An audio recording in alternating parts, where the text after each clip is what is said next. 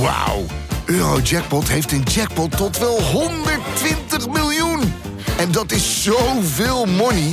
Daarmee kan je een weekendje weg. Met je vrienden. In space.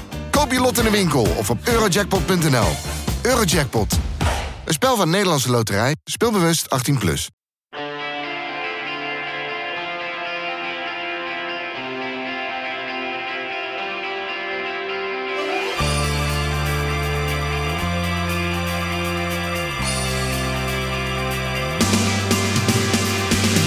Welkom bij Poki, een podcast over kunstmatige intelligentie, waarin wij, Wietse Hagen en Alexander Klupping, je meenemen in de wereld van AI.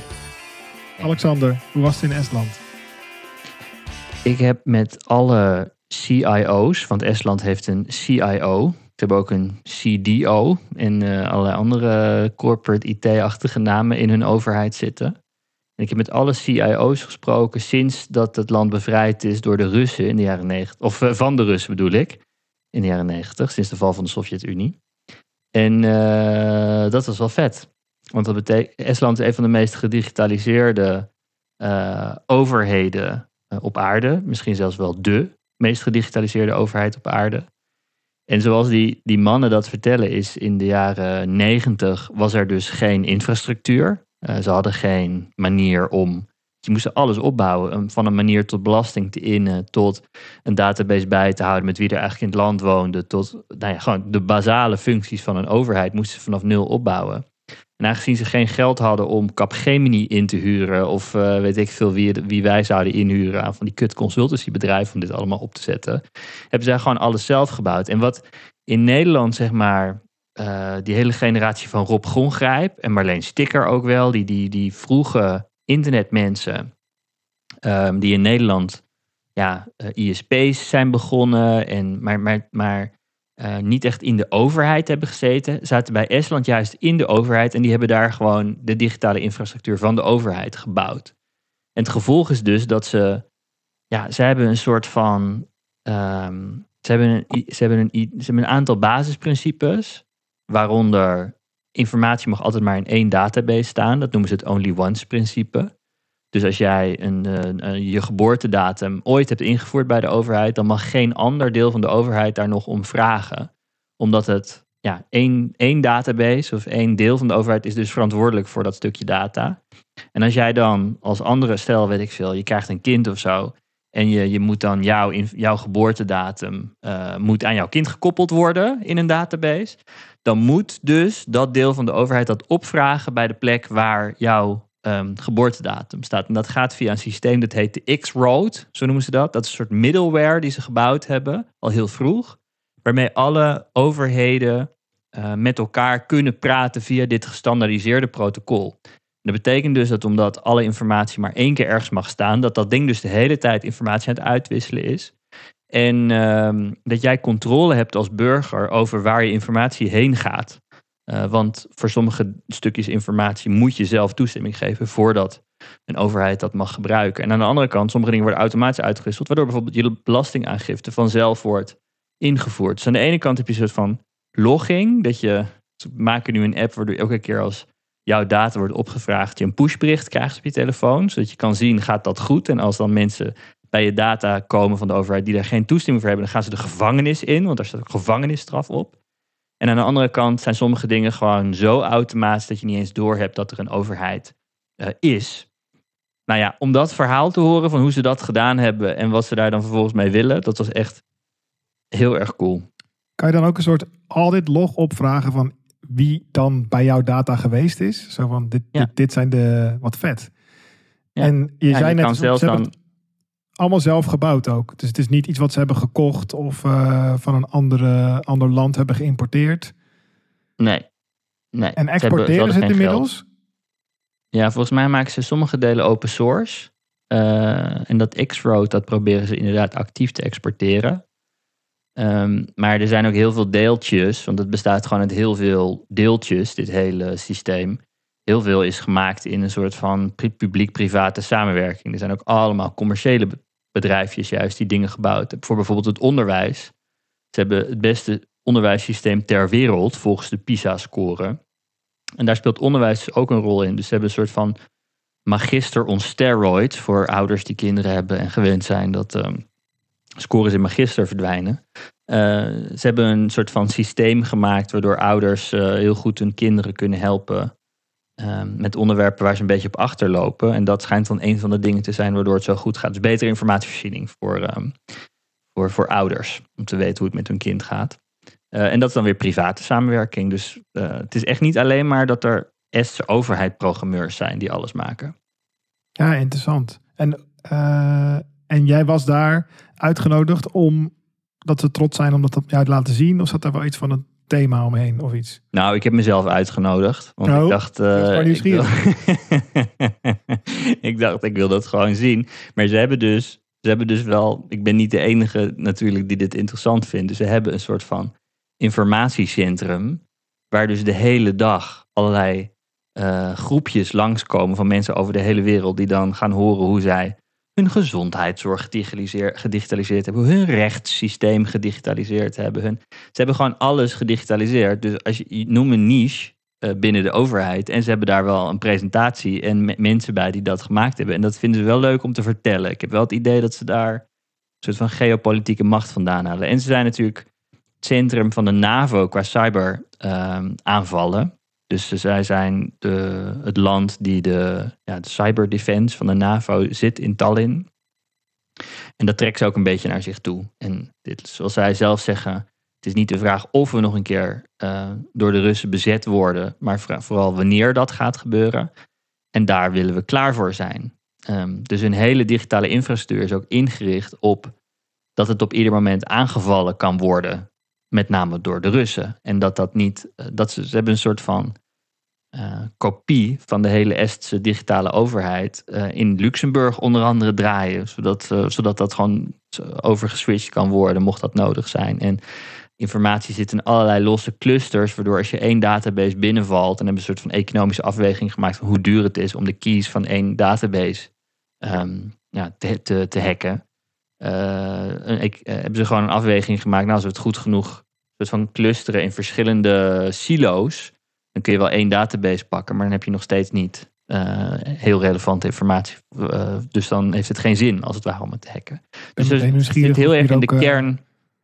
Boeken zijn. Er zal vast wel, er zal vast wel, maar die zeggen deels open source, maar er zal iemand die een soort trots daaraan heeft gewerkt en daar een mooi boek van geschreven heeft soort van, uh, weet je wel, de history of developing uh, e-governance in uh, Estonia of zo. Zo'n boek. Ik heb het niet kunnen vinden. en daarom heb ik alles maar uit eerste bron proberen te trekken. Ja, ik snap het.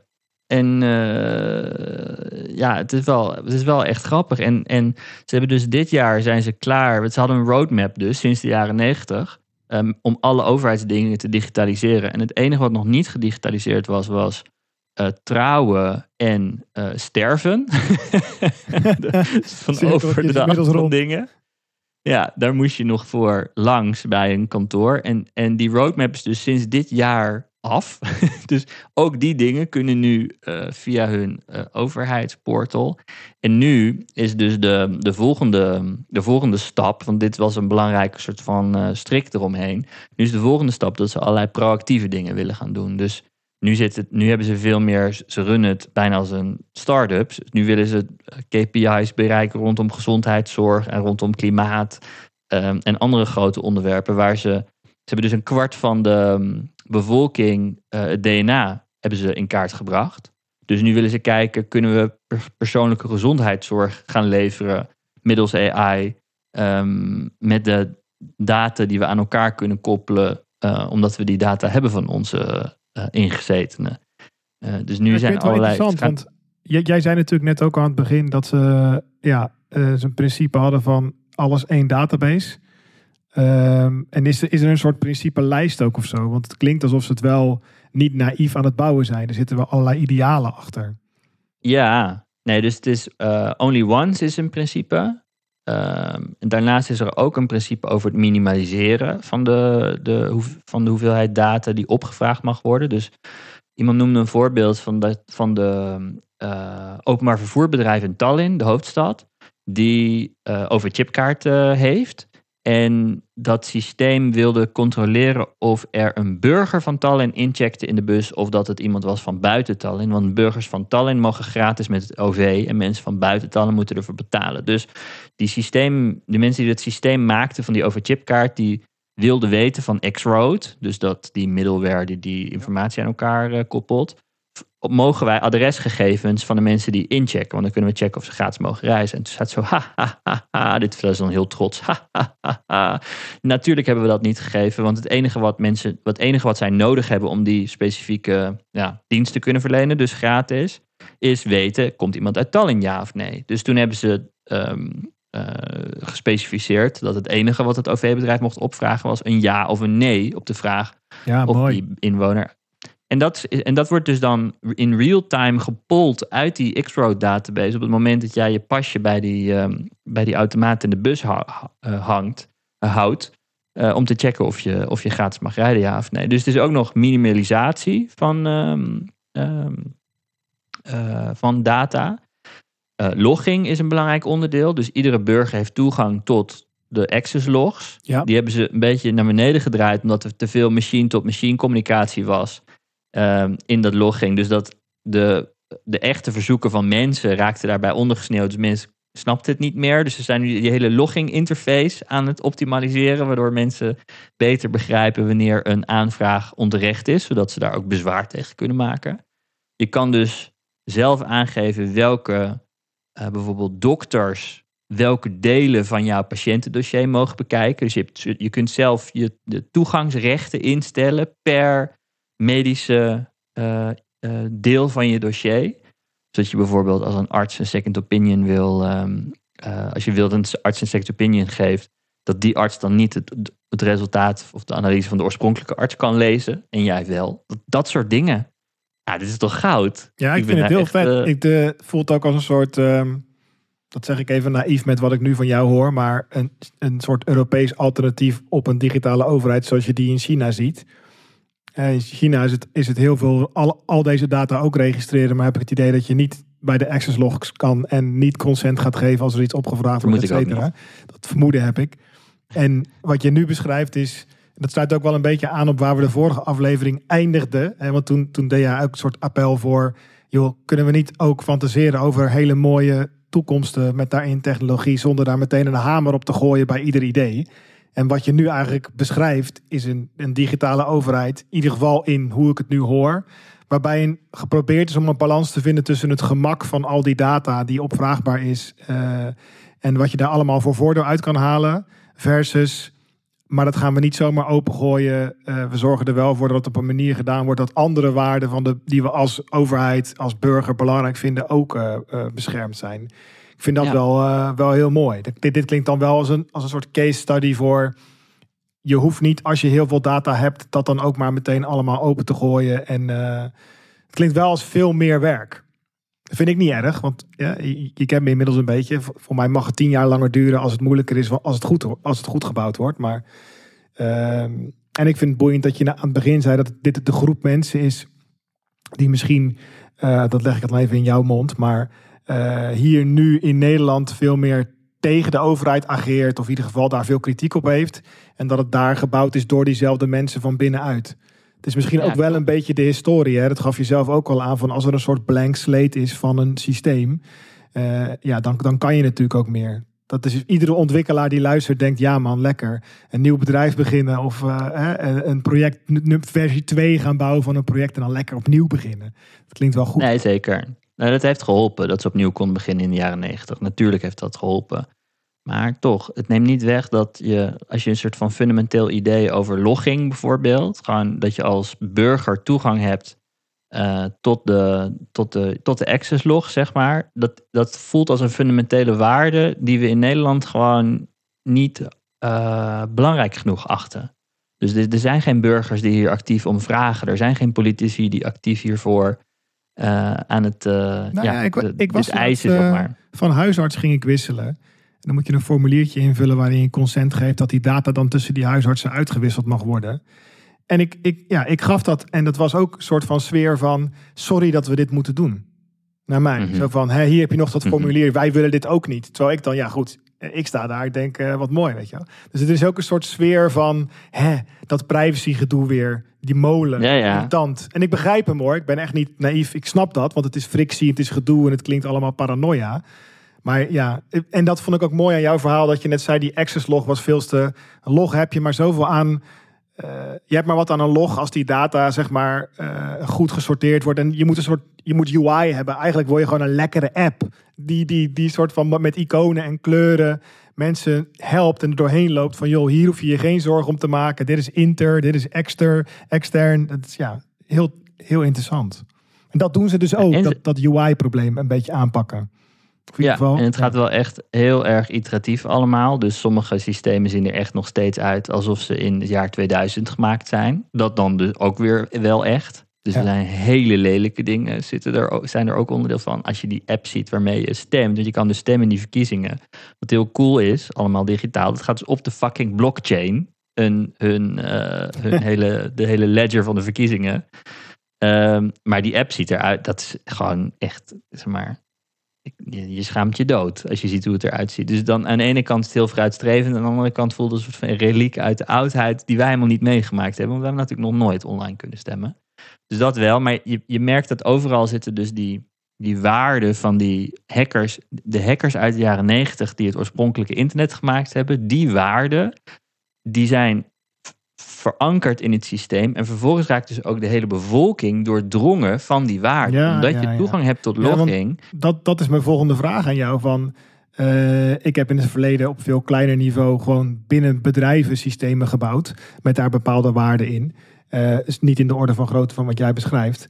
Maar wat je dan vaak ziet is dat die checks en balances die zijn ingebakken. Er op een gegeven moment uitgehaald worden of ja, omzeild worden. Want de mensen die die er ooit hebben ingestopt, die waarden zijn nooit expliciet ge- ge- verankerd in de organisatie. Dus die techniek wordt uiteindelijk geërodeerd en dat waait dan gewoon. Ja, dan gaat er wordt een backdoor omheen gezet of een, eh, of een dingetje. Heb jij niet het idee dat dat daar ook. Ja, alles kan altijd gebeuren, maar heb je het idee dat dat daar door de bevolking en de mensen die er nu aan werken, beide partijen nog eh, beschermd wordt? Nou, het valt me dus op, op hoe vaak zij. eh, veel van die dingen zijn dus. Sommige dingen zijn principes en sommige dingen zijn echt verankerd in de wet. Maar zoiets als ehm, gegevens niet mogen op. of gegevens opvragen die je niet mag opvragen. eindigt dus gewoon in gevangenisstraf voor mensen. En dat is iets, een verhaal wat ze elkaar ook de hele tijd vertellen. Dus Ja. mensen kennen allerlei anekdotes. Dat hebben heeft dan op de voorpagina van de krant gestaan van mensen die in de gevangenis gegaan zijn omdat ze medische gegevens hebben opgevraagd van bekende esten, om maar een voorbeeld eh, te noemen. Dus het is gewoon onderdeel van de. Het is een soort meme. Als mensen. eh, Ja, ik de, snap hem, van ja. de, En ik zit ook te denken dat, Dus dat- zal dan, ik weet dan weer te weinig van de geschiedenis van Estland, wel een beetje, maar eh, zit daar ook niet iets in dat het nog, toen het gebouwd werd, ook heel erg leefde van dit. Als we dit soort systemen gaan opzetten, dan moeten we gewoon heel erg oppassen. Want hè, wie weet wie Ja. straks deze systemen in handen krijgt. Als dat er natuurlijk Ja, echt zeker. in zit, ja, dan, dan, dan is Ja. dat een levend waardesysteem. En niet een eh, dogmatisch waardesysteem. Ja, ja. Nee, maar dat, dat helpt. En misschien is het dus een. een ja, misschien eh, kan, kan je niet zoiets zo radicaal maken op het moment dat je niet de, die hele context meekrijgt van Estland, inderdaad, met de Sovjet-Unie. En dat het allemaal recent is. En dat er toevallig te weinig geld is, waardoor de nerds het dan maar gingen fixen. Omdat er, nou ja, ze konden niet naar IBM gaan, zeg maar, om het gewoon uit een doosje te kopen allemaal. Misschien dat al die context nodig is om dit te krijgen. Maar ja, aan de andere kant, Ja, maar het is er. Kan je dat, dat, natuurlijk- dat is ja. Nou, en, en je kan alsnog je erdoor laten eh, inspireren. En bedenken, ah, dat, is wel, dat is eigenlijk wel heel erg cool. Nu, nu kunnen zij dus, omdat het zo eh, modulair is opgezet allemaal. En dus eh, als je eenmaal in die, aan die X-Road verbonden bent, dan, eh, dan moet je aan allerlei eisen voldoen. Dus ze kunnen ook allerlei beveiligingseisen opdringen op die reden. Zijn, nerds zijn de baas over de X-Road. Dus dat maakt dat telecom operators die dan ook aange, private bedrijven zitten dus ook, ook aangesloten. Dus iedereen logt. Het is alsof iedereen. Het is alsof je op je op je KPN-account inlogt met je DigiD. Dat is Ja, in ja, feite hoe, ja. hoe het daar gaat. krijg ik Maar meteen rillingen van dat- als je het in onze context zegt, maar in die context is het anders. Ja. Zij vinden dat volkomen normaal. Sterker nog, ze vinden dat heel handig. Want dat betekent dat je ook niet... Je hoeft, als je je aanmeldt bij, eh, bij een nieuw abonnement afsluiten... hoef je niet opnieuw al je gegevens in te voeren. Want dat gaat allemaal automatisch. Want dat is met hetzelfde login ehm, eh, gedaan. En, ehm, eh, ja, het, gevo- het gevolg is dus dat die nerds ook al hun beveiligingseisen kunnen opdringen aan die private bedrijven op die manier. Omdat zij de baas zijn over ja, het soort van het smeermiddel wat in het midden zit. Dat vind ik ook nog wel grappig. En het betekent dus omdat het zo modulair is opgezet, dat eh, het bouwen van nieuwe diensten erop eigenlijk relatief makkelijk is. Want de hele data-uitwisseling, eh, da- data-uitwisseling shit is allemaal al geregeld. Dus betekent dat ze nu, ze zijn nu met zo'n heel AI-project bezig. Ze gaan dit jaar willen ze 30 miljoen uitgeven. Dat is voor Ja, dit was mijn veel. volgende bruggetje van, oké, hoe zit het dan met het onderwerp kunstmatige intelligentie en dit hele Ja. verhaal daar? Nou, dat is dus, dit is iets waar ze nu mee beginnen. En dan hebben ze eh, een project voor gemaakt. En dan hebben ze 80 initiatieven die ze met AI willen ontplooien. En dat gaat dan van geautomatiseerde rechtspraak. Daar gaan bij ons in Nederland ook gelijk de haren van overeind eh, staan. Want automatisch. maar zij zijn dus heel erg trots. Ja, dat is tijd heel. Het is best wel een kapitalistisch land. Dat is misschien een soort van tegenbeweging van, die, eh, van, van, van, van de situatie in de jaren negentig. Ehm, ehm, maar het ook ik vind het wel heel verfrissend om met zoveel plezier te horen hoe, hoe zij zeg maar hun rechtssysteem dan efficiënter willen maken. Want ze zeggen dan er zijn gewoon heel veel dingetjes binnen het rechtssysteem die gewoon ongelooflijk veel tijd kosten voor advocaten en voor rechters. En met AI kunnen wij processen gewoon versnellen door beslissingen. Een voorbeeld wat ik hoorde was beslissingen onder de 7000 euro, boetes onder de 7000 euro, dat dat gewoon door een AI besloten wordt. En je zal heus wel in beroep kunnen gaan en dan kan je alsnog, kun je alsnog bij mensen terechtkomen. Maar om maar aan te geven de, de mate waarin ze bereid zijn om eh, ja, IT in, in, in, die, in die zone eh, zich mee te laten bemoeien. Een ander voorbeeld was dat ze satellietfoto's gebruiken om ehm, eh, satellietbeelden door AI laten analyseren om voor boeren om hun subsidie te krijgen. Want een, een, een voorwaarde om subsidie te krijgen is dat je je velden maait. En ze, kijken, ze gebruiken dus die satellietbeelden om te kijken of je dat gedaan hebt. En pas dan krijg je, krijg je geautomatiseerd je subsidie. Omdat ze het, en, en een ander ding was dat ze werkzoekenden en ehm, werkgevers die banen in de aanbieding hebben, ook, al, ook die shit is allemaal gestructureerd. Al die data is gestructureerd opgeslagen. Dus de overheid kan actief mensen die een baan zoeken koppelen aan plekken waar banen zijn. En ook daar gebruiken ze AI om die koppeling eh, te maken. Het is mooi dat data gestructureerd is, maar je moet ook nog wel even de koppeling maken. Dus die software moet je bouwen. Dat doen ze dus ook. Dus het, is een, het zijn heel veel voorbeelden van dingetjes die zij kunnen maken. eh, in heel veel verschillende disciplines van de overheid. Ook tussen die disciplines.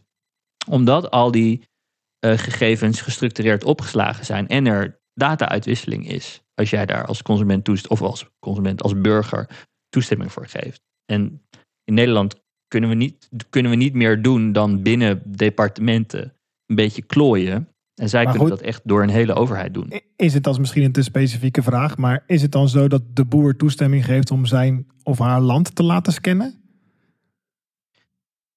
Eh, Nou, sommige dingen leggen ze natuurlijk gewoon op. Ik bedoel, ik, ik ga ervan, ik weet dit, ik weet het niet, maar Nee, ik ga ervan uit dat, dat dit gewoon een voorwaarde is voor die subsidie. En sommige dingen doen ze, omdat, om, doen ze gewoon automatisch. Dus ik bedoel, eh, je, je belastingaangifte, eh, ze gaan niet vragen of je eh, je banksaldo wil doorgeven of zo. Dat Nee. wordt gewoon gepold. Ja. En als er onderdeel, iets onderdeel is van een, van een recht, van een recht, rechterlijke uitspraak, dan wordt dat ook gewoon overruled. Maar wat ik voor me zie is een soort systeem met allerlei toegangsrechten. En sommige processen hebben gewoon hogere toegangsrechten. En sommige mensen hebben hogere toegangsrechten. En sommige dingen heb je geen keuze over. En over dingen waar wij in Nederland eh, denken dat we de keuze over hebben. En op de achtergrond toch allerlei informatie wordt uitgewisseld. En dat het toch niet helemaal lekker werkt. Ze hebben in ieder geval gewoon een systeem gemaakt wat transparant is. Ja, ik denk ook voor mijzelf persoonlijk dat in ieder geval het feit dat de data die er is, dat er bekend is wat er is en dat er bekend is wie er wanneer bij is geweest of bij wil en dat ik daar ook nog zeggenschap over heb,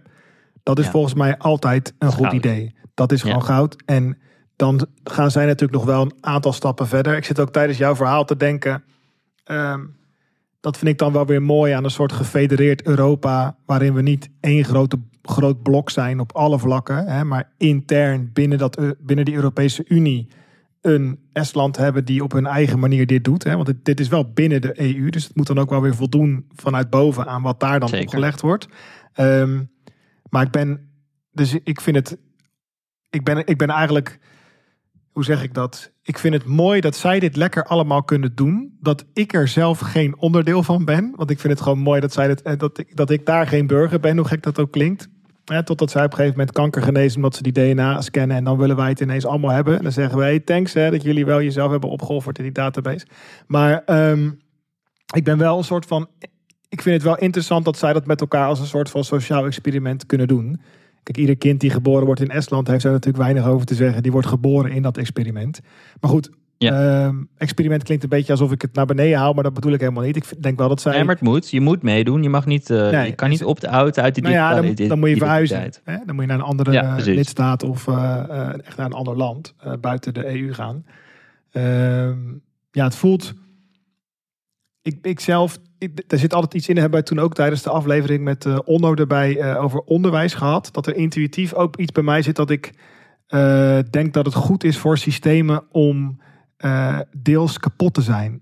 Eh, omdat daar een soort ruimte door ontstaat.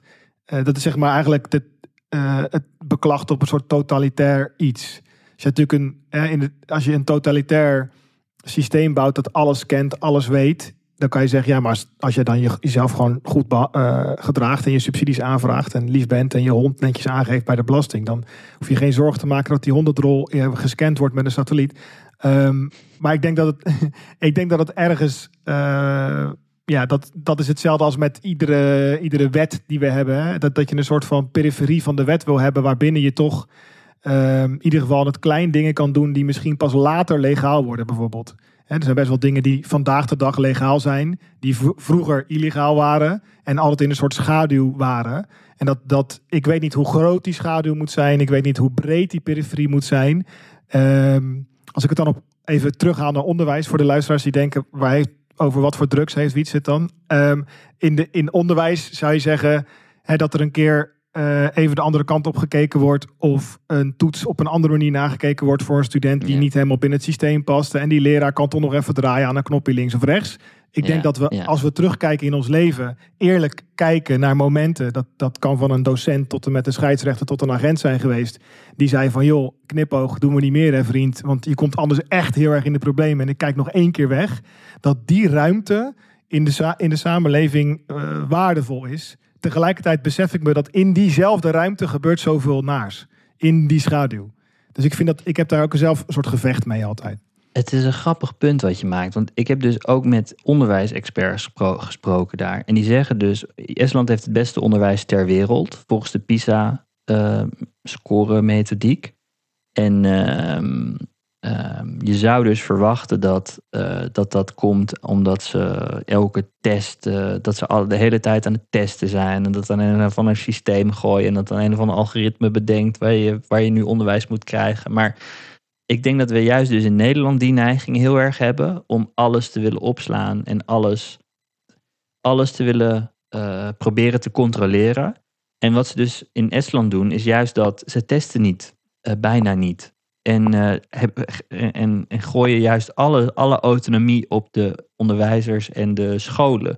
Dus ze maken ook weer een soort van vreemde tegenbeweging daar. In een land waarin alles gereguleerd wordt. Om juist dat in het onderwijs heel erg vrij te laten. Je gaat daar pas op je eh, zevende. eh, krijg je überhaupt pas voor het eerst inhoudelijk onderwijs. Waar we in Nederland met vier jaar al beginnen met basisonderwijs. Je hoeft pas heel laat te kiezen over een, om een beroepsrichting te kiezen. Ehm, en heel weinig wordt gedaan op basis van, eh, van toetsen. Dus gek genoeg, in, ik snap heel erg wat je zegt, maar ik denk dat diezelfde, ja, die chaos of die ruimte die je dus die, die je beschrijft, dat wij echt, dat wij de neiging juist hebben om die in te vullen met allerlei controledrift. En dat in een, in een land waarin dus in ieder geval een hele overheid in, in een systeem hangt, echt een heel goed gedocumenteerd, strak systeem hangt, dat ze dus juist in het onderwijs de neiging hebben om dat, los, om dat dan weer los te laten. Omdat ze. En ik weet niet, misschien idealiseer, idealiseer ik dit nu allemaal en denk ik, het is het beloofde land en we moeten alles doen zoals Estland. En ik zit wel een beetje op een roze Estlandwolk, dat geef ik dan gelijk wel toe. Maar eh, ze zijn niet gestopt met nadenken, zullen we maar zeggen, bij het, eh, bij het mm, soort van idee dat alles in het systeem kan. Ja, ik denk dat, dat dat is ook wat ik je nu heel erg hoor zeggen. Die, ehm, met al die technologie. Ik zit te denken aan een beetje een vreemde metafoor misschien. Maar als je denkt aan eh, een mes. Hè? Stel dat jij uit een vliegtuig in een grote houten kist een hele collectie messen zou droppen op, uh, op een land waarin koken heel belangrijk is, dan gaan die messen natuurlijk naar de keukens. Want die gaan ze mee koken. En dan gaan denken ze, wauw, we gaan uh, tomaten snijden. Want wij vinden hier koken is een grote waarde. Hè, gooi dat in een ander land neer waar ze elkaar allemaal niet vertrouwen. Dan wordt het een wapen. Yeah. En er zit, yeah. er zit dus die, die technologie die, die is, is gestut op dat waardesysteem, op die cultuur, op die historie van zo'n land. En ik kan me heel goed voorstellen dat als je de software uh, van Estland één op één pakt en geeft aan, ik noem het maar even, de Nederlander, die niet bestaat, mm. hè, Mhm. maar de gemiddelde Nederlandse uh, waarde. En de dat wij daar misschien hele andere data in zouden gaan stoppen of zouden zeggen, zo te gek man, die kunnen we om de, ombouwen naar een nieuw magister. Dan kunnen we die kinderen in de gaten. Terwijl, terwijl, die Est, terwijl ze in Estland misschien zouden zeggen van, nee, nee, nee, natuurlijk niet. Dat is duidelijk binnen, do- binnen dit domein. Hè, dat is een domeingescoopt stuk software. En natuurlijk ga je onderwijs niet op dezelfde manier aanvliegen. En dat, dit, dit, is, ja, dit is wat ik zelf eh, fascinerend vind en al jaren mee bezig ben. Is van, eh, ja, wat zit er nou ingebakken in technologie? Want er zit heel veel in. Je zou het liefst geloven dat het allemaal neutraal is. Maar inmiddels zijn we er wel een beetje vanuit verschillende hoeken mee bezig. Dat die neutraliteit er eigenlijk niet is. Want iemand die eh, op het moment dat jij een hamer in je hand hebt. Dan ga je toch een beetje op zoek naar dingen om op te slaan. Dat, dat, dat is gewoon, snap je? En als je een, eh, met een auto rondrijdt. Dan ben je een, ben je een wezen in een auto. Dat, dat doet toch wel iets met je. Dat maakt je niet meteen een heel ander mens forever. Maar in die auto en met die hamer in je hand. Ben je net even anders bezig. Tegelijkertijd is het maar net aan wie je die hamer geeft. Ook weer. Hè? Dus er zit, er zit een soort van kracht of ma- ja, er zit een soort uh, vormgeving in vanuit die gebruiker en een vormgever in vanuit die technolo technologie. En die samen komen dan tot een soort van moeilijk te voorspellen ding. En dat vind ik wel uh, ja, interessant aan, aan jouw verhaal. Dat het dan zo anders gaat op het uh, onderwerp onderwijs. Dat is echt Mm. boeiend. Mhm. Mhm. Ja, De en- vraag is dus ook eh, of het een controledrang was, dat hele systeem wat zij hebben gebouwd. Want dat is dus mijn blik erop, hè? Mijn, mijn Nederlandse blik. Dat ik denk, oh ja, dan kan je alles lekker in de gaten houden. Kan je, nou in dit geval niet eens lekker in de gaten houden, maar dan kan je lekker voorkomen dat er enge dingen gebeuren. Want voor mij is controle Mhm. dan komt voort uit het niet willen dat dingen misgaan. ja, denk ik ook. Denk ik ook. Ja, het is, een, eh, het is, het is zeker niet gebruikt voor, controledrang, want dat was juist het systeem waar ze vandaan kwamen. Het moest vooral eerlijk worden. Ja. En ehm, ehm, ja, het is heel moeilijk om te voorspellen dat inderdaad wat er zou gebeuren. Als je gewoon het hele systeem daar zou plakken en je zou dat kopiëren naar een Neder- Nederlandse situatie, zou het dan even. Ja, je kopieert de waarde niet mee, zullen we maar zeggen. En ik, ik, ik las een of ander onderzoek dat, ze, dat de, de, hoe, ze, ze polsen de hele tijd bij de bevolking in, in welke mate de digitale systemen vertrouwd worden. Ehm, want eh, ja, dat, dat, daar valt of staat het natuurlijk allemaal Ja. mee. Ja. Ehm, en eh, elke keer als zij westers, west, eh, westerse overheden voorbij komen, of westelijker dan Estland, ehm, voor, voorbij krijgen, dan, dan, dan zijn hier natuurlijk allemaal kritische vragen over in hoeverre dit niet een, een, een soort van de basis is voor een surveillance, surveillance staat. Zo, maar de grap is natuurlijk dat zij daaruit komen juist. En zij zeggen ja, punt 1. Facebook en Google weten veel meer van jou. Dus waar heb je het nou eigenlijk over? Eh, de, de overheid is echt niet, eh, weet echt niet zoveel meer. Nou, daar kun je over discussiëren of wa- wat je daarvan vindt. Eh, en het, het tweede punt is, in ieder geval geven we onze burgers eh, controle over wat, ze wat er allemaal is. Eén, want een Nederlander heeft geen flauw idee in welke databases hij heeft zij allemaal staat. En twee, geen flauw idee waar die data allemaal heen gaat. En drie, geen flauw idee hoe die, waar die data, eh, hoe die gebruikt wordt en hoe dat dan geïnterpreteerd wordt. En wat dat dan, zeg maar, zie, zie de toeslagenaffaire of dingen die, we, die een beetje doorcijpelen over hoe gegevens over gezichtsherkenning. Er is een of andere ANPR-camera die registreert een nummerbord. En dan vervolgens gaat die data van de politie gaat naar de marechaussee. De marechaussee doet er weer zijn eigen slag overheen. En die kopieert het dan weer naar de Belastingdienst. En die, kopiëren, en die combineren dat ook weer met allerlei gegevens. En je hebt geen flauw idee meer als burger ehm, eh, hoe beslissingen genomen worden over, over jou. Het is vaak niet te herleiden. Vaak weten die overheden dat zelf niet eens. Ehm, en, en ontstaat er een soort beeld van jou. eh, ja, waar je zelf geen controle meer over hebt. Nou, in- Nou, de in dat toeslagenaffaire is daar. Zou ik denk Mhm. ik, als ik jouw verhaal zo hoor, wat ik zou willen pakken van eh, Estland, is de transparantie. Eh, dus als het in een fantasie IT-project voor de Nederlandse overheid, dan zou ik zeggen, we gaan geen nieuwe data opslaan na vandaag. Even pauze. Ik wil nu alles in kaart, alles op één snelweg, alles audit, alles logs, alles met push notification, een app ontworpen door een team kick-ass UX designers. En dan gaan wij eens even kijken wat er nu al gebeurt. Laten we daar Ja. eens beginnen. En als er dan weer Zou vertrouwen het zijn, komt, toch? ja, en als er dan weer vertrouwen komt en als er dan eh, het gevoel is van oké, we willen meer, dan kunnen we met z'n allen stemmen om te zeggen we doen een blokje erbovenop. Maar nu weet ik helemaal niet welke blokjes er zijn. Ja. Laat staan dat we de blokjes op gaan zetten. Ja, en dat vertrouwen, want dat was inderdaad waar ik, waar ik, waar ik mee begon. Dat ze, ze, ze pollen dus de hele tijd, wat is het vertrouwen in die IT-systemen? En dat vertrouwen is dus al sinds het begin consequent hoger dan de politici die op dat moment het, land runnen. Dus Ja. er zijn meer mensen die vertrouwen in dat overheidssysteem, wat je zou kunnen zien als een soort van Big Brother ding, dan de daadwerkelijke mensen die aan de knoppen zitten. Nou ja, dat is toch, eh, dat is toch wel grappig. Helemaal in een land waar ze dus zelfs de verkiezingen eh, online doen. Ook dat En weer is vet, jongen. Over en die ledger van hun, zeg maar, dus die database, die, daar, die draait niet mee als mirror, maar is de waarheid. Ik weet wel van projecten waar er gestemd wordt digitaal als een soort kopie. En bovenop papieren stemmen. Maar dit is Nee, hun nee, enige nee. waarheid. Ja, dus hoe het werkt Ja. is, je stemt dan eh, eerst kan je een week lang digitaal stemmen. Ehm, dan stopt de digitale stemming en dan is er nog twee dagen stemmen op papier.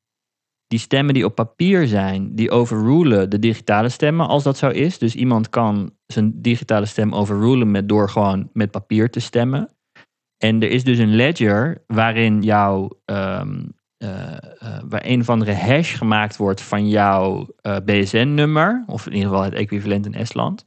Een hash van je BSN-nummer, die, die verdwijnt in die ledger. Diezelfde hash is er dan ook van een digitale stem.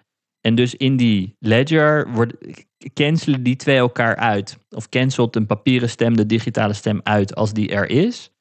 Ehm, en de eerste, dus dat is één ding. En de eerste 30 seconden nadat je digitale stem hebt geplaatst, dan moet je dus een pas met, die, met, met zo'n chip erop in je computer duwen. Ze hebben dus ook allemaal van die IBM-laptops. Ja, dat dat in Nederland alleen zie bij, als je bij Shell werkt en zo. ja. Maar dat zie je daar dus heel veel. Pasjes die in een computer verschijnen, eh, verdwijnen. En dan eh, stem je dus in een of andere eh, Windows-app. En dan, of hij is ook voor de Mac, maar goed, eh, ze, zij doen echt alles op Windows, valt me op. Ehm, en dan krijg je een QR-code. En die QR-code, de eerste 30 minuten dat je die QR-code scant met je telefoon, kan je dan zien: oh, dit is mijn BSN-nummer en dit is mijn stem. Die twee datastukjes zijn aan elkaar gekoppeld. En dan na 30 seconden, of na 30 eh, minuten, breken ze die twee gegevensdelen op. Eén gaat naar de ledger eh, voor zeg maar de, de stembusresultaten. En ander gaat naar ehm, eh, het statistiekbureau. Om gewoon over langere periode statistieken te maken over hoe mensen in Estland stemmen. En die zijn dan niet meer aan elkaar te koppelen. Dus de stem op de partij is niet meer te koppelen aan, jou, eh, aan jouw persoonsgegevens, zeg maar. En uiteindelijk heb je dan verkiezingsresultaten die voor iedereen te bekijken zijn in een publieke ledger. Ik zit te denken aan, eh, heb ik je die metafoor van de ehm, weerwolf wel eens verteld? Nee. Dat je, dat je de, die is niet van mij hoor, maar dat is een beetje het idee dat ik zit me nu zo voor te stellen dat stel dat eh, jij en ik zo'n systeem eh, zouden bouwen als wat jij nu beschrijft, op welke manier dan ook eigenlijk als overheid. En dan word je eigenlijk, ehm, als je het even op Star Wars houdt met de Dark Side en de- is dat de Empire versus ehm, de eh, Jedi? Ik weet eigenlijk niet, wat is dit slecht van mij, maar goed, de twee kanten. ik de weet hier ook lichte- geen fuck van, Wietse. ja, de wat slecht is dit. Oké. Ja. ehm, de Iets vo- met de Empire, de ja. mensen die de force, de mensen die de force hebben en de mensen die een minder mooie force hebben, zeg maar, is dat je eigenlijk, je begon het gesprek dat je zei, in Estland gaan ze ervan uit dat de Russen weer komen binnenvallen. Dat is gewoon een gegeven voor hun.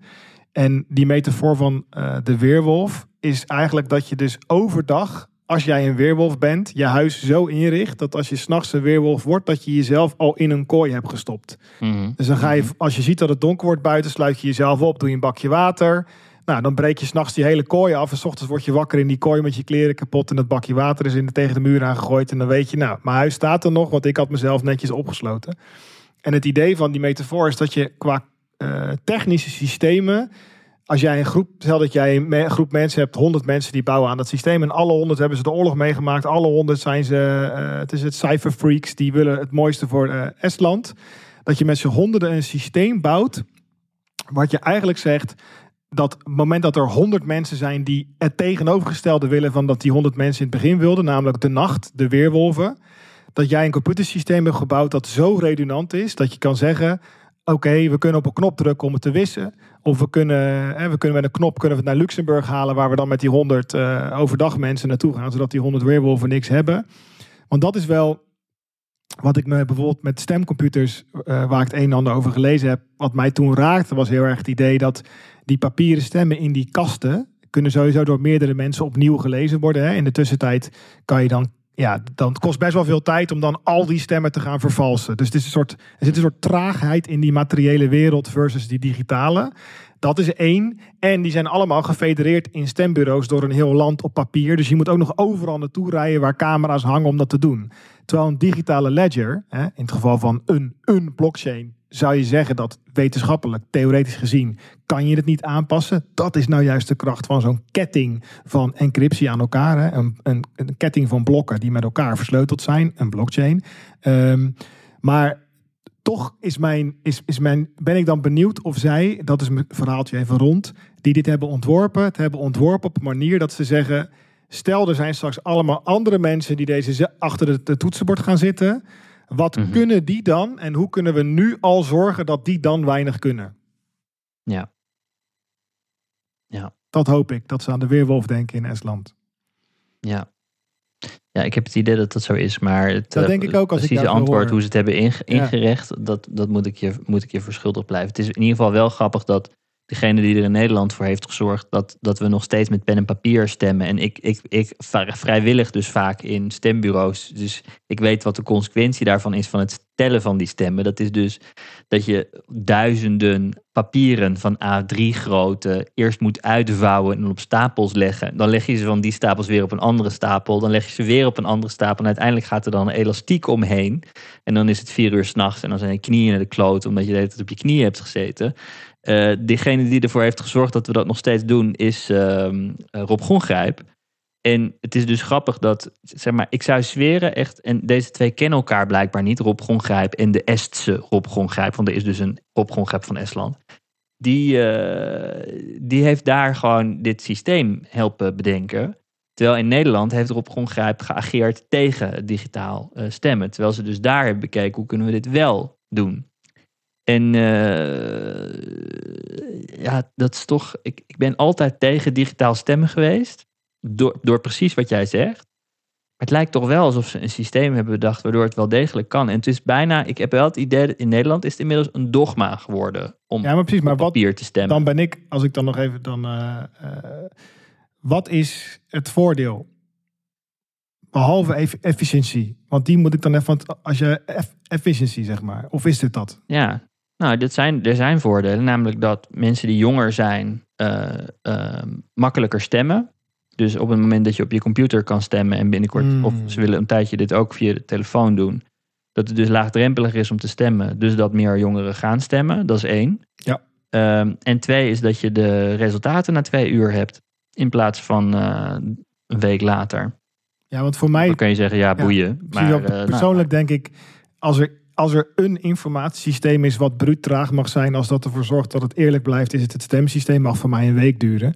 En dan, en dan ehm, eh, met allemaal mensen met paard en wagen. Want zo zit ik er dan in, omdat ik denk, die snelheid, dat, de snelheid heeft niet zoveel voordeel in mijn ogen. Behalve het kost minder geld en tijd.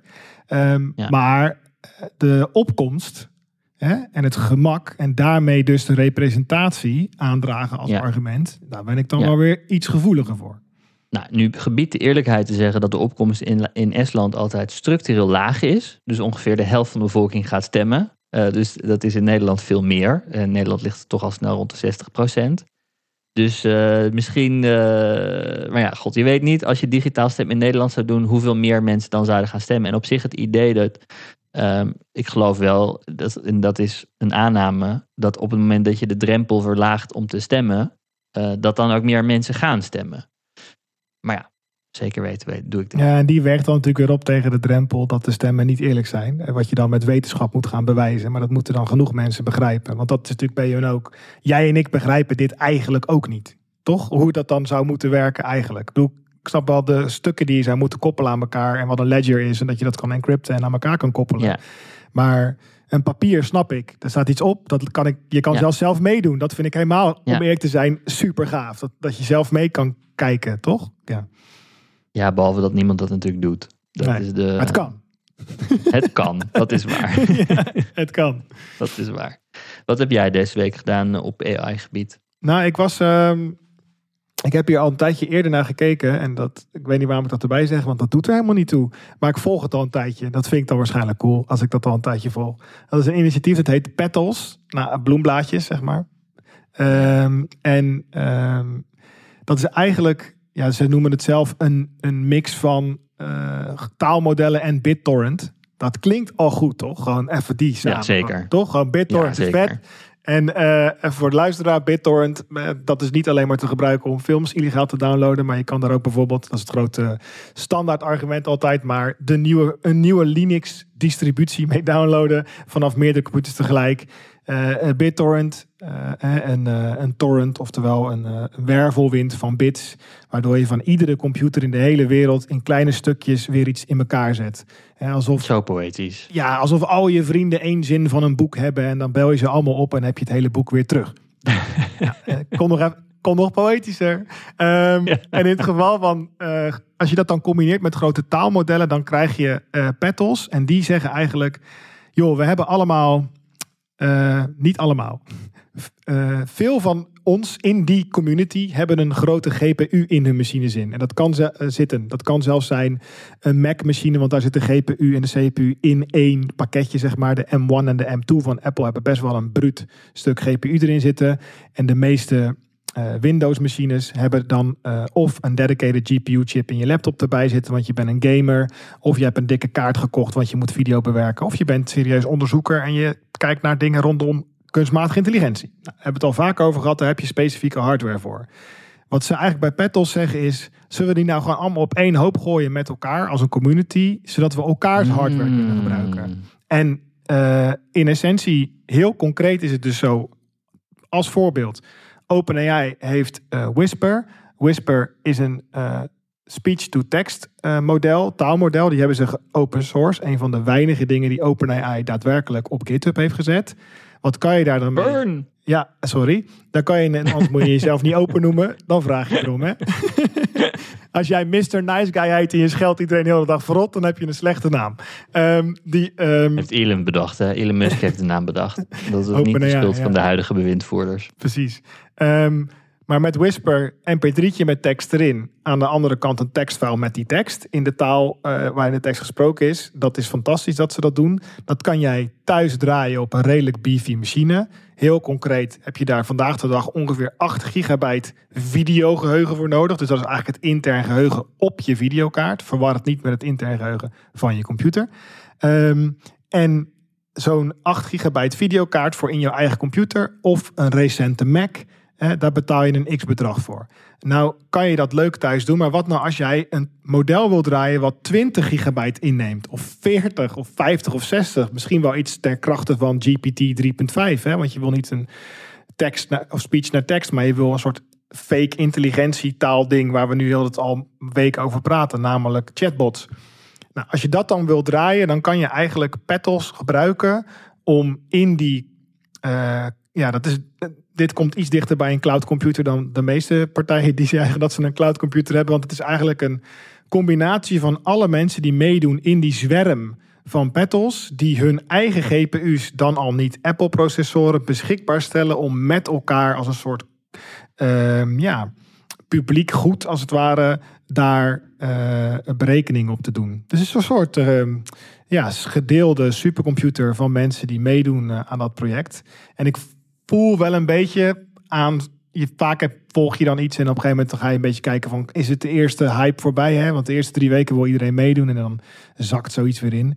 Dit, dit groeit wel, dit gaat goed. Er wordt veel aan ontwikkeld en ehm, ik vind het een mooi, ehm, een mooi initiatief om te zorgen dat het niet bij vijf hele grote partijen blijft, al die uh, processorkracht.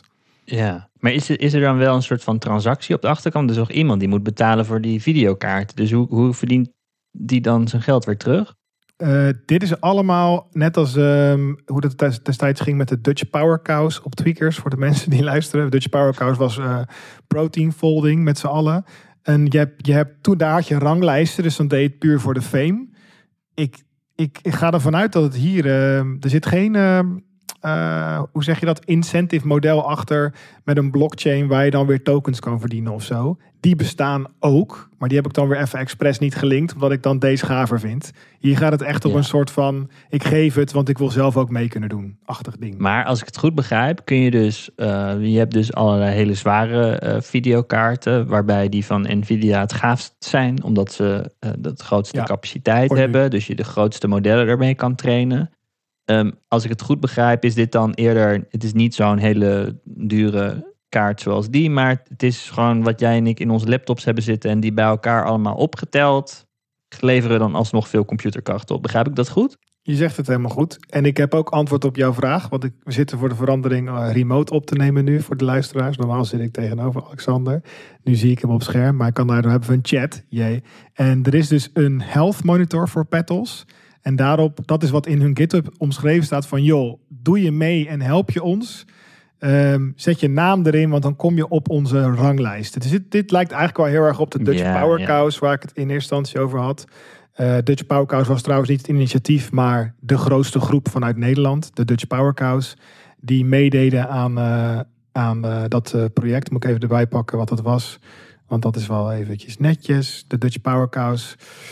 Um, Oh, die deden aan van alles mee. Rosetta at Home. Dus het ging over uh, uh, signalen zoeken uh, in het universum. Allerlei leuke, gave, grote data dingen. En dan het beetje die Wikipedia-vibes, weet je wel? Van waarom bestaat Wikipedia?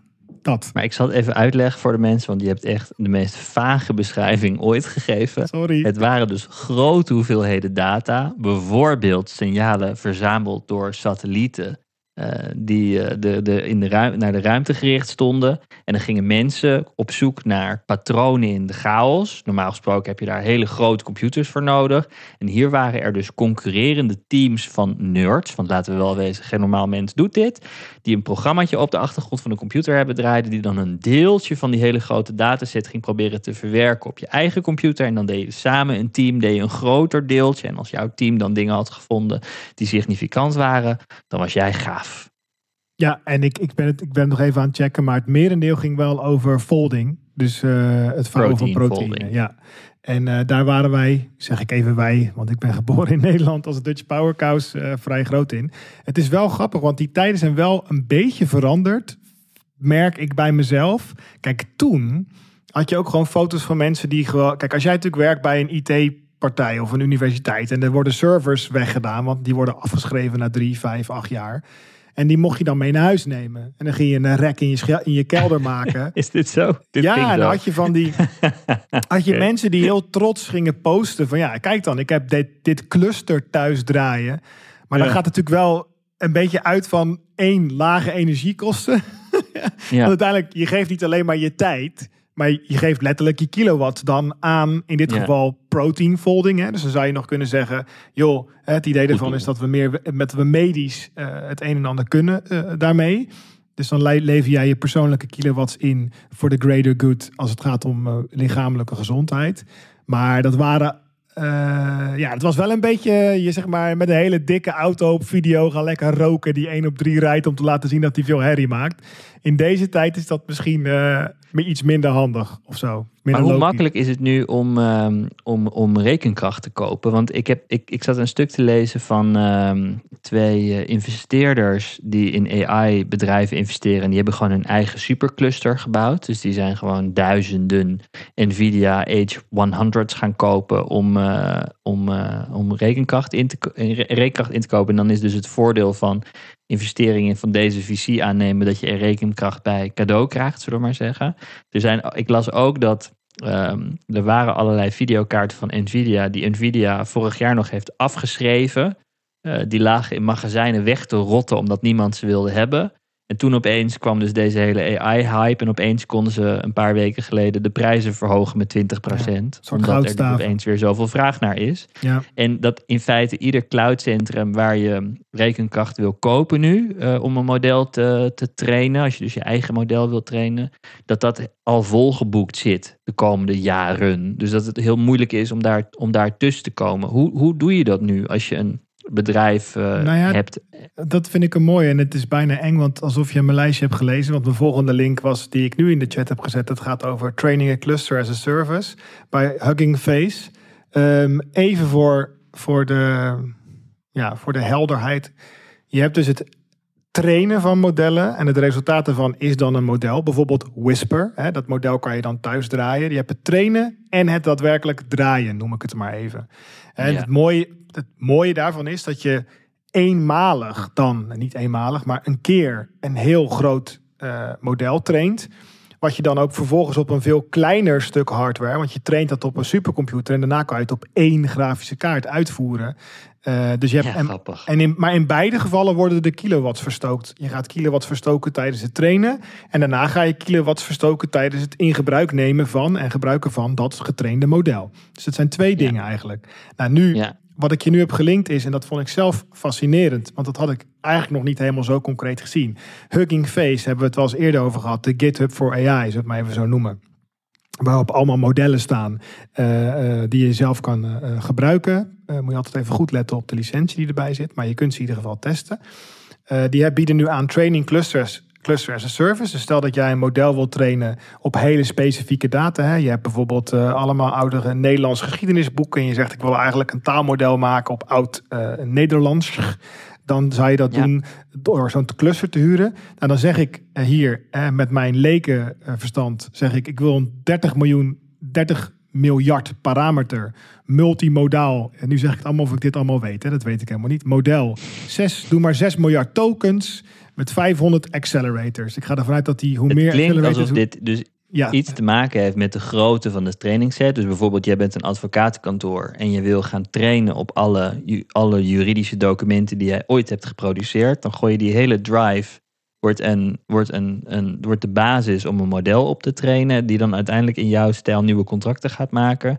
Dat, dat, dat is die, die, het aantal tokens. Dus het, het aantal letters in feite die in de contracten staan, staan in verhouding tot het aantal tokens. Ja, ja dus en, gebruiken. Ja, precies. Dus de tokens is inderdaad ook als jij bijvoorbeeld praat met uh, ChatGPT, dan heb je ook een token limit. En dat is eigenlijk hoeveel je erin mag gooien. een token is bijna een woord, maar niet helemaal. Dus daarom noemen ze het niet words, maar tokens.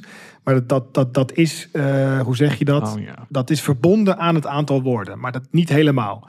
Um, het, en het aantal parameters, daarvoor uh, moet je uh, kunstmatige intelligentie gestudeerd hebben of meer weten over hoe AI werkt. En dat weet jij en ik niet helemaal. Misschien moeten we er eens wat meer in verdiepen.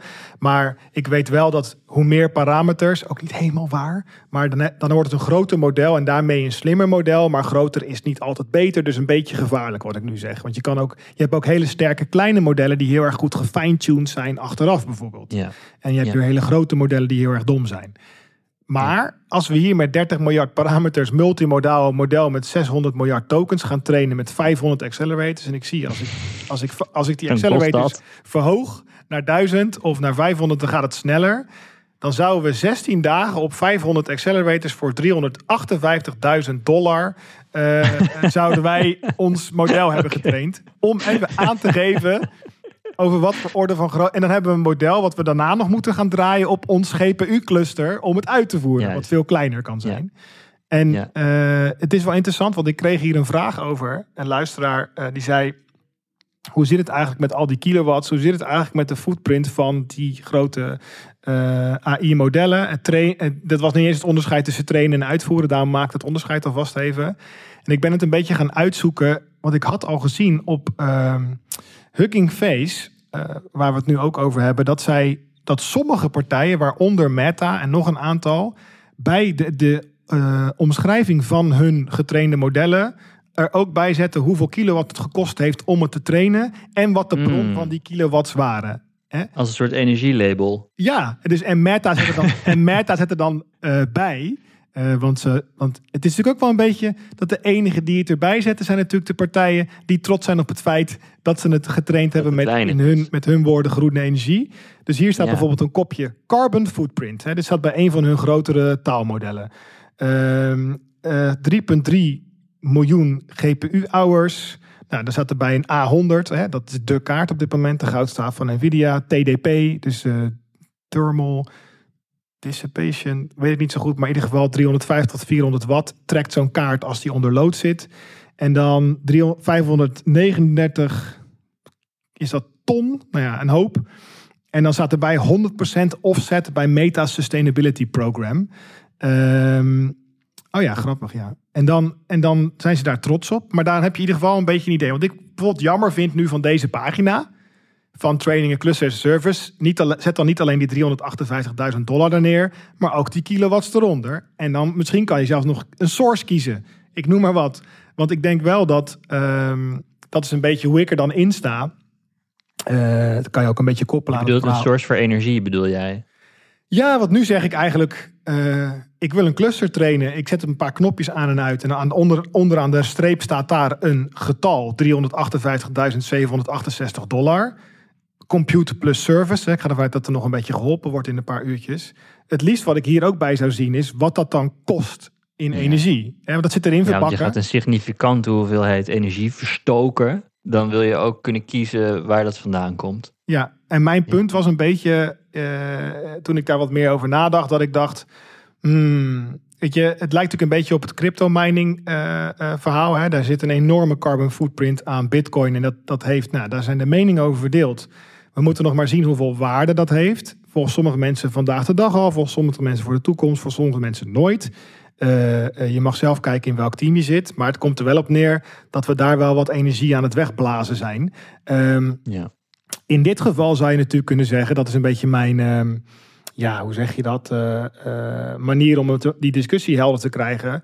Als het een cluster is die aan het trainen is om kernfusie mogelijk te maken, dan ben je natuurlijk eigenlijk die kilowatts aan het gebruiken om te zorgen dat je minder kilowatts nodig hebt in de toekomst. Hè? Dus, dan, eh, dus dan heb je eigenlijk, eh, daar zou niemand tegen moeten zijn, bijna in mijn ogen. Want eh, als, je, als jij met 10 kilowatt kan zorgen dat je straks 20 miljard kilowatt niet hoeft te gebruiken, dan is die trade-off gewoon fantastisch. Als je zou weten dat je zeker weten er iets uitvindt waardoor je die kernfusie kan maken. En hierbij denk ik dat stap 1 in ieder geval zou zijn om wat Meta nu al een beetje doet. Hè, omdat ze zo mooi al die energiecertificaten hebben ingekocht. Waarschijnlijk willen ze die ook kunnen laten zien. Ik ben even cynisch, maar ik snap dat wel. eh, dat we de kosten ook weergeven, in ieder geval in kilowatt. Zodat je een beetje een footprint idee hebt. Want eh, het, is, het is niet iets kleins in het geval van eh, kunstmatige intelligentie. Die twee zijn wel een beetje met elkaar verweven. Dat energieverbruik en modellen trainen en uitvoeren. Zijn het nou allemaal open source modellen die je op Hugging Face kan gebruiken? Of zijn er dan ook al- zijn, er, zijn, zijn het ook proprietary dingen die je alleen maar mag proberen en dan als je daar echt serieus dingen mee wil doen, dan moet je ervoor Oh, betalen, ja. zoals bij OpenAI. Ja, ik maakte net al een beetje die asterisk, eh, of die voegde ik al toe. Waar ik achter kwam is, en dan ben ik, eh, ik was met Whisper bezig en toen zei iemand tegen mij, heb je wel gecheckt eigenlijk of je dan Whisper ook wel commercieel mag inzetten? Want dat is iets van OpenAI en hè, mijn grapje heb ik al eerder gemaakt, maar je weet nooit hoe open het is. Nou, in het geval van Whisper zit daar best wel een, een brede license op. Maar Meta bijvoorbeeld, die ook heel veel uitbrengt, al die lama's en alpaca's, die komen allemaal bij Meta Ja. vandaan. Daar eh, is wat ge- gesteggel rond geweest, want ze waren er heel erg vaag over. Nu zijn ze er iets eh, duidelijk in geworden. Maar het is niet een, joh, zie maar wat je ermee doet, license. Eh, kijk, als jij, als jij natuurlijk het werk van Meta, open source werk van Meta pakt, dat hernoemt en dan aanbiedt één op één als commerciële dienst op het internet. Ja, oké. Dat is, hè, dat is een beetje die open source-achtige ethos. Dat zit er een beetje achter. Eh, Dat willen ze niet. Nee, maar het is wel, en dat was een beetje mijn naïviteit. ehm, want ik heb ook wat mensen om me heen naar dingen toegewezen op Hugging Face. En daar zeiden zij toen later van, van joh, kijk, als je een GitHub repository met iemand deelt met code erin. En je zegt, kijk, een gave plugin voor eh, Chrome, waardoor je X of Y kan. En eh, dan, dan zit daar vaak een license bij, hè? Een, een open source license, MIT of een eh, GPL. Waar dan in staat van joh, je mag het best gebruiken, maar je mag het niet anders noemen bijvoorbeeld. Of je moet altijd laten weten dat je ons was, eh, dat je ons gebruikt. Ja, Of als je er iets aan verandert, moet je teruggeven. Nou, heb je allemaal regels. In die AI-modellenwereld is dat nog een beetje aan het ontstaan. Zijn we nog een beetje aan het zoeken hoe dat eigenlijk werkt. En wat is train... Je hebt bijvoorbeeld nu ook, wat heel veel gebeurd is. ehm, je hebt een model.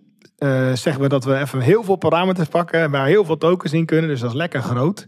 Maar die willen we dan eigenlijk nog fine-tunen. Een van de trucs die OpenAI doet... waardoor GPT-4 zo krachtig is en indrukwekkend... is omdat daar heel veel alignment gedaan is. We hebben het eerder al eens over gehad. Hè? Die, die antwoorden worden getoond aan mensen... en die klikken dan ja, goed, nee, niet goed, wel goed, ja, niet goed. En dan ma- maak je hem eigenlijk, nadat het model al getraind is... ga je hem daarna nog even fine-tunen, letterlijk. Je gaat hem eh, schaven. Wat nu Ja, gebeurt, er is zitten dat heel veel mensen in Nigeria, in, in sweatshops. Ja, re- reken erop dat dat mensen zijn- Precies, die niet Ja, met een eh, goede arbeidsvoorwaarden dat doen. eh, met, een, met een mooie lamp en goede koffie, zeker niet. Dus dat van is een hele enorme digitale sweatshops. Die dan Precies. keuzes voorgelegd krijgen over wat is, eh, als, als, als dit de input is. Is dan dus bijvoorbeeld, weet ik veel, schrijven een gedicht. En dan komen er twee voorbeelden van een gedicht. Welk gedicht is beter? En dan moeten die mensen kiezen welke beter is. En dat is dan weer een heel klein beetje extra informatie voor dat model. Om te, om te begrijpen wat mensen goed vinden. Ja, En zo is dat model ge, uh, gefine-tuned. precies. En de eh, reactie vanuit de partijen als een OpenAI of Meta of noem ze allemaal maar op, zou zijn... dat hoeft gelukkig dan maar één keer. Als we eenmaal dat gevangen hebben, die menselijke intelligentie... Dus we, dat, is, dat is een heel eng argument. Want de geschiedenis zit vol met... als we nu even door het moeilijke bos lopen... daarachter schijnt de zon. Ja. En wat er allemaal in het bos gebeurt... geeft dan niet zo heel erg. Het is een heel gevaarlijke logica. Maar wat is nu gebeurd is dat bijvoorbeeld... dat, is niet, dat weet ik niet, maar ik noem het even als voorbeeld. Je hebt Claude, eh, de, een van de GPT... eh, grote taalmodellen, concurrenten van eh, OpenAI... vanuit Anthropic heet hun volgens mij... Wat die zouden kunnen doen, dat weet ik niet zeker, maar ik weet dat andere partijen het wel doen, is zeggen: we trainen een model en daarna gebruiken we GPT-4 van OpenAI om hem te fine-tunen. oh ja. Ik weet, ik bedoel, ik weet Ja. niet dat zij dat doen, maar ik weet wel dat het heel erg Ja. gebeurt met open source modellen. En dan krijg je dus.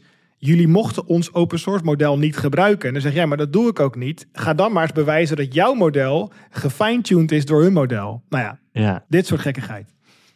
Maar toch, want er zijn dus allerlei eh, modellen die met elkaar eh, concurreren. Ehm, om de grootste hoeveelheden developers aan zich te, binden die ermee gaan werken. Of eh, ehm, ja, wat kun je nog meer? Z- zorgen dat zoveel mogelijk mensen het gaan gebruiken, waardoor je meer API-calls kan verwerken waar je betaald voor krijgt. Dan heb je een aantal grote bedrijven die met elkaar concurreren. Facebook kiest er nadrukkelijk voor om het model te open sourcen. Dus eigenlijk het aan de gemeenschap te geven. En dat als jij nu een bedrijf begint, dan kun je daadwerkelijk ehm, Lama in je app gebruiken. Waardoor je, eh, waardoor je een eigen ja, model verder kan fine-tunen op een manier zoals je dat zelf wil. Ehm, waarom denk je dat, dat, dat Facebook er nu voor kiest om dat te open sourcen in plaats van de strategie van Microsoft en van Google te volgen? Ik denk, en dat zou in essentie, zouden Microsoft en Google dat ook kunnen doen, maar dan maakt Meta allemaal, eh, hoe zeg je dat, eh, gokken, eh, inleven, fantaseren, wat ik nu Mhm. doe. Ik kan me voorstellen dat de moot, zoals we dat in de VC-wereld noemen, dus eigenlijk wat dat we, als jij een bedrijf eh, gaat, gaat investeren, dan wil je eigenlijk zien van wat is jullie moot. Want als je alleen maar een UI bent over OpenAI heen, dan kan OpenAI jou heel makkelijk Sherlocken. Ik ga het aan, dingen aanhalen uit eerdere afleveringen om, om te checken of iedereen ons allemaal luistert. Het is een soort, ik creëer een soort thought chain, niet een blockchain. Van, dus je kan het alleen maar blijven luisteren als je het Ja. opstapelt in je hoofd. Maar goed. Is ehm, je moot groot genoeg om niet gesharelocked te worden? Ja. Keihard, heel mooi. Ehm, nu is het zo dat ik denk dat voor Facebook slash Meta om die modellen te open sourcen, dat zij gezien hebben. Want Facebook heeft wel heel erg een open source verleden. Ik, er zullen veel mensen zijn die luisteren die denken, boe, Facebook, bababa. Maar ik bedoel met React. En ik kan een lijstje afgaan aan dingen die zij aan de, aan de wereld geschonken hebben. Eh, eh, ze hebben best wel mooie dingen gedaan op het gebied van open source. Ook. Eh, maar, kijk, al die dingen die zij de wereld ingooien, die krijgen ze daarna weer terug. Hè? Even in een gek beeld, twee weken later, beter. Het is alsof ze een auto maken vanuit de Volkswagen groep.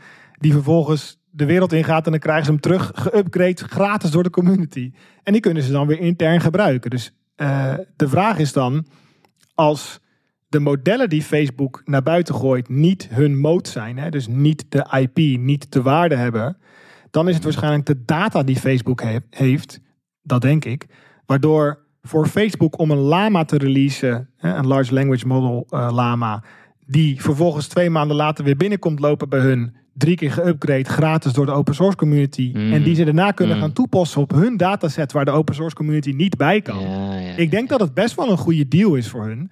En ook omdat ze niet first mover waren, hè, want OpenAI eh, en eigenlijk Google die hard op de plank liggen, is het denk ik wel, als je, die, als je dat een beetje afweegt van oké, we zijn niet de eerste, dus we moeten iets bieden waardoor we ze kunnen inhalen of bij kunnen benen.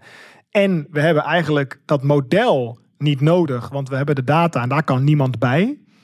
Het zou bijvoorbeeld voor een partij als eh, Google met hun YouTube, waar we het de vorige keer ook over hebben gehad, of Twitter met hun eh, eh, tweets, real-time. Zij zouden prima hun modellen kunnen open sourcen, want zolang je geen toegang krijgt tot die Firehose van Twitter met recente tweets, of in het geval van YouTube de recente video's en het hele archief, denk ik dat je model zelf niet jouw eh, intellectual property hoeft te zijn. Gekeken vanuit een puur ja, kapitalistische mindset van wat is waarde en wat kunnen we, waar kunnen we waarde uithalen, zeg maar. Het is zo moeilijk om je, om het in het Engels te zeggen, to, to wrap your head around de soort van strategische keuzes die nu op dat niveau worden, worden gemaakt met de hoeveelheden geld en dus ook CO2, want het is in dit geval redelijk eh, ja, met elkaar, eh, dat loopt eigenlijk Ja. met elkaar op, zeg maar, de hoeveelheid wat het kost om een model- te trainen, omdat dat voor het grootste deel energiekosten zijn. De, de miljarden die nu worden uitgegeven aan het trainen van die modellen en dus de onderliggende keuzes over hoe je zo'n model eh released en welk, welk doel je daar dan uiteindelijk mee hebt. Ik weet niet, het, laat mijn hoofd toch wel een beetje spinnen. Als je zo le- net, net opleest wat het kost om even een clustertje op eh, Hugging Face aan te zetten. Wetende dat, dat het OpenAI kreeg eerst een investering van een miljard van Microsoft. En toen was het geld op. En toen, eh, waren, ze, toen waren ze in paniek. En toen eh, hebben ze met, na, na wat kleinere investeringen uiteindelijk nog een keer 10 miljard opgehaald. Maar dollar. Maar god, miljardje meer of minder. Wat maakt het ook uit? Wat maakt het ook uit? Eh, ja. Het gaat gewoon allemaal op aan compute power. En het feit dat Amazon dit waarschijnlijk ook kunnen doen is. En dat Google dit ook doet. En dat Facebook dit dus ook doet. Ja, het is gewoon... Ik weet niet. Ik, het, het, ik- het is zo moeilijk om voor te stellen. Ja, en als je hem nu, als je het cirkeltje dan rondmaakt met Petals, waar we net over hadden, hè, met die eh, BitTorrent voor eh, Ja. large language models, is het natuurlijk hilarisch als eh, mensen Lama gaan downloaden van Meta, dan met Petals allemaal gaan distributed retrainen. En dan gaat, dan gaat Facebook zelf naar die pagina toe, download weer dat ding en gaat hem intern toepassen. Dus op die manier hebben ze eigenlijk over onze rug met onze kilowatts, die we allemaal samen Ja. in open hoop Ja. gegooid hebben, Ja, hun model verbeterd. Ja. ja. kan Mark Zuckerberg weer een extra huis kopen. Het scheelt ze wel carbon credits inkopen, want die leggen ze gewoon bij ons. Ik eh, vraag me af wat de Estse overheid ermee zou doen.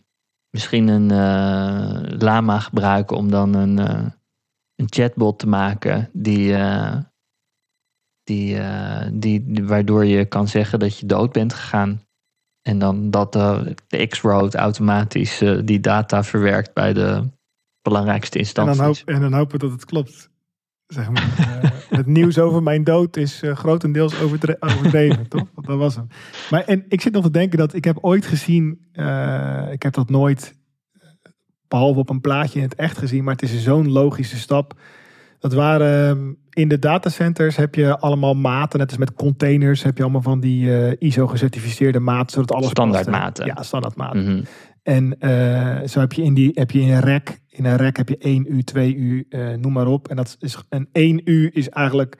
Als iemand wel eens in audio gewerkt heeft, zit dat, die werken ook vaak met racks in van die eh, flight cases. Het zijn van die grote zwarte dozen die op het podium staan met wieltjes eronder. En er zit allemaal apparatuur in. Die voldoen ook aan diezelfde standaard. Ehm 1 u is, is echt ehm, niet zo hoog. Dat is echt een pizzadoos platgeslagen computer. Wordt ook vaak pizzadoos genoemd door de mensen die in die industrie werken. Die gaan dan weer even een paar pizzadozen in het, in het rek schuiven. nou, dat, dat, ehm, Dat waren vroeger meer mensen dan tegenwoordig. Want ik heb dat ook nog gedaan, lang, lang geleden. Ik ben ook al oud. Maar tegenwoordig is het allemaal weggeabstraheerd achter API-calls. Maar er is uiteindelijk iemand die ergens weer iets gaat ophangen. Misschien is het tegenwoordig een Ja, robot. zeker. Maar er zijn gewoon blazende. Dat is ook. eh, als we nog even koppelen aan eh, het kilowattverhaal. Je, als je zou- gaan luisteren wat zo'n Nvidia-cluster doet. Als daar een model op getraind wordt. Dat is gewoon een schreeuwend warme bom. Is dat gewoon. Echt heftig. Wat wou jij zeggen? Want je bent ook in datacenters geweest, denk ik. Ja, ja, nee, ik, ik, ik knik alleen maar. Ja, zo van eh, zeker. Het is heftig. Ja. Nee, want ik, en ik zat te denken dat. eh, wat ik toen heb gezien, dat was eigenlijk een. eh, nou, stel je door voor een pizzadoos. En die kunnen heel eh, diep zijn. Dus leg even drie pizzadozen achter elkaar. Of 2,5 heb je ongeveer een server. Die heb je ook weer allemaal maat in. Maar een beetje gemiddeld server is zo 2,5 pizzadoos naar achter. En de hoogte is een pizzadoos. En die schuif je dan op elkaar op een stapel in zo'n rek. En dan weer reks naast elkaar. En dan weer verdiepingen. Je ziet het wel voor je hoe dat blijft stapelen. Ehm, dit was een partij en die zei: Zullen we die gewoon aan je muur hangen thuis? Draai gewoon die 2,5 pizzadoos op zijn zij. Schroef hem aan op de plek waar je verwarming hangt. En toen was het nog, zet er een, zet er een bitcoin miner op. En als het dan koud is in je huis, klappen we dat ding aan. Gaan we bitcoin minen en warmen we je kamer op. Nu zou ik dan Oh, zeggen, Jezus. hang hem in panels. Hang een Ja. GPU-cluster in de vorm van een mooie radiator met een mooie hoest eromheen aan je muur. En let's go. Wauw. Toch? Laten we dan slim zijn als we het toch overal gaan ophangen. Maar wie dan wil ik wel gewoon er iets voor terugkrijgen. Hè? Ja, nee, dat begrijp ik. Nou, goed, dan zou je misschien moeten zeggen van... daardoor doe jij mee en kan jij tegen dat model praten. Alleen als je meedoet, een soort tit voor tat. Ja, dus dan eh, bouw je Ja. een soort karma op. Je hebt het ten trouwens in Ja, geef BitTorrent. mij gewoon, je wil mij geld, hè? gewoon tokens. En dan kies ik wel of ik het wil geven aan tijd op dat cluster. Of dat ik gewoon euro's voor terug wil. Toch prima. Als dit toch is waardoor het toegankelijk wordt. Die, Ja. die, data, die datakracht. Ja, ik vind het wel een... ehm, ja, het is het om iemand zwembad op te warmen of zo. Maar dat je in ieder geval wat nu... Ja, ik weet niet. Het idee dat je dan een datacenter hebt waar het knijter heet wordt binnen. Wat dan teruggekoeld Ja. wordt bij de airco en zo. Is, kan Ja. eigenlijk allemaal niet meer zo goed nu. Als we die warmte moeten we Nee. iets mee. Ja, Ik, ik, ik, denk, ik denk trouwens, het is puur maar naïviteit hoor. Ik ga ervan uit dat er, daar ga ik gewoon even vanuit voor de luisteraars die een datacenter runnen, dat daar inmiddels buizen doorheen liggen die de grond ingaan en gewoon teruggeleverd worden aan het netwerk. Ik mag het hopen. mag het hopen. Maar ehm, ja. Ja. die warmte moeten we. ongetwijfeld zo. Maakt het niet minder vet om een taalmodel te trainen eh, aan de, op de plek waar nu een radiator hangt. Ik kan Ja. dat wel iets hebben. Toch? Dat is mooi. Ja, en er zijn dus cases of zo waardoor je zo'n server op zijn zij eh, aan je muur kan, eh, kan hangen. Nou, het is een lichte dystopische aflevering geworden. Het Estland-verhaal heeft voor jou ook een dystopisch bijklankje. En dit eindigt toch ook op een dystopische wijze. Het is ons weer niet gelukt om je vrolijk nieuws te brengen. Volgende week proberen we het weer nog een keer. Tot volgende week. Tot dan. Doei.